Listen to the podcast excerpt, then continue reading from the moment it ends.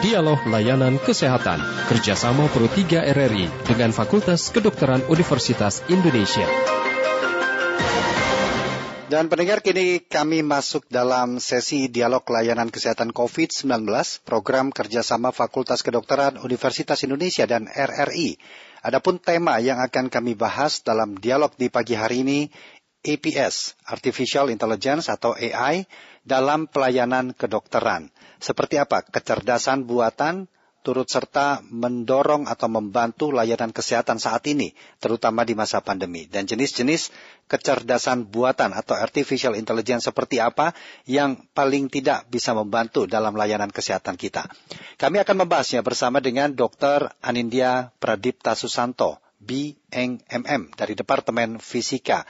Dan tentunya kami undang Anda untuk dapat berinteraksi dengan narasumber kami di 021 352 3172, kemudian 021 384 4545 dan di 021 386 6712 serta dapat melalui WhatsApp kami di 081 399 399 888. Segera kita mulai dialog layanan kesehatan COVID-19. Selamat pagi, Dr. Anindya Pradipta. Selamat pagi, Pak Rudi ya. Iya. Apa kabar, Dok? Baik, apa kabar Pak Rudi? Sehat selalu ya? Alhamdulillah sehat selalu dok. Tema kita cukup menarik sekali. Artificial Intelligence dalam pelayanan kedokteran atau kecerdasan buatan untuk mendorong pelayanan kesehatan atau pelayanan kedokteran. Nah, mungkin bisa dijelaskan terlebih dahulu dari awal sebenarnya apa yang dimaksud dengan artificial intelligence atau kecerdasan buatan dalam sisi atau di sektor kesehatan kedokteran ini. Terima kasih Pak Rudi, uh, pendengar RRI. Uh, eh, kita sudah mungkin mendengar istilah artificial intelligence atau kecerdasan buatan sudah banyak ya. Tapi memang uh, kita sendiri mungkin ada baiknya untuk uh, kembali melihat apa sih sebenarnya definisinya uh, kecerdasan buatan itu. Sebetulnya kecerdasan buatan itu adalah kemampuan dari mesin atau komputer untuk bisa melakukan tugas-tugas yang pada dahulu atau pada normalnya itu membutuhkan uh, intelijensi atau kecerdasan selevel manusia gitu ya.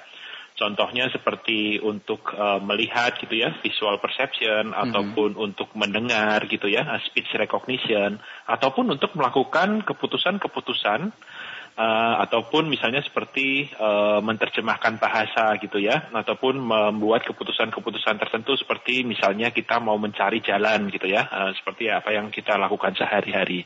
Itu Pak Rudi. Iya. Dan lebih condong atau untuk saat ini pemanfaatnya lebih kepada uh, seperti apa layanan atau layanan kesehatan atau di di kedokteran itu sendiri, dokteran India? Ya, jadi kita melihat sebelumnya artificial intelligence atau kecerdasan buatan ini banyak sekali kita lihat aplikasinya di dalam dunia sehari-hari yang mana kita juga menggunakan uh, smartphone atau gadget kita. Kemudian menjadi pertanyaan bagaimana sih uh, penggunaan kecerdasan buatan ini di bidang kedokteran. Ya. Penggunaan kecerdasan di bidang kedokteran itu uh, sangat luas ya uh, dan sangat potensinya sangat besar. Mulai dari uh, membantu dokter dalam menegakkan diagnosis sampai untuk memilihkan uh, tata laksana atau treatment yang tepat bagi uh, seorang pasien. Hmm, jadi untuk tahapan diagnosis pun bisa digunakan melalui artificial intelligence. Seperti apa contohnya itu, dokter? Ya, jadi uh, banyak sudah yang uh, menerapkan misalnya seperti um, kami di Fakultas Kedokteran Universitas Indonesia juga mengembangkan beberapa uh, modalitas uh, kecerdasan buatan yang berhubungan dengan diagnosis. Seperti salah satunya, contoh kalau kita bisa berbicara dengan COVID-19, mm-hmm. kita di uh, Fakultas Kedokteran Universitas Indonesia juga mengembangkan kecerdasan buatan untuk membaca foto uh, X-ray ya hmm. untuk menentukan apakah foto X-ray ini um, COVID atau uh, bukan COVID.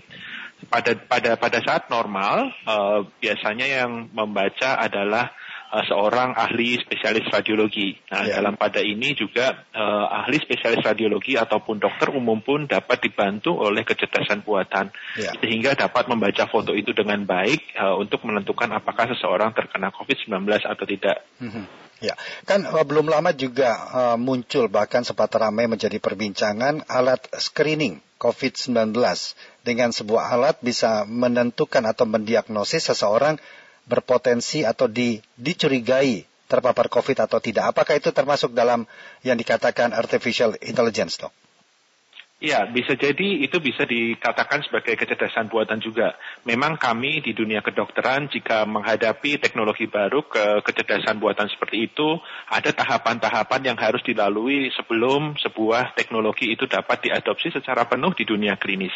Artinya uh, semua uh, sama ya seperti vaksin gitu ya, mm-hmm. vaksin baru semua melewati uh, serangkaian uh, uji klinis ya yang dapat dipertanggungjawabkan sehingga apa pun itu teknologinya uh, termasuk salah satunya dalam hal ini kecerdasan buatan itu uh, digunakan dalam klinis dan dapat dipertanggungjawabkan secara klinis juga. Ya. Apakah saat ini uh, artificial intelligence atau kecerdasan buatan lebih kerap digunakan pada diagnosis awal, dok?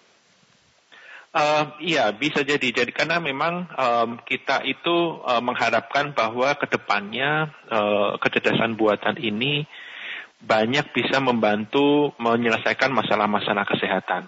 Salah satu contohnya masalah kesehatan yang saat ini kita hadapi adalah tidak meratanya persebaran mungkin dokter ataupun dokter spesialis di daerah. Mm-hmm. Sehingga kita harapkan um, adanya kecerdasan buatan juga bisa men-screening atau mendeteksi ya penyakit lebih awal gitu ya.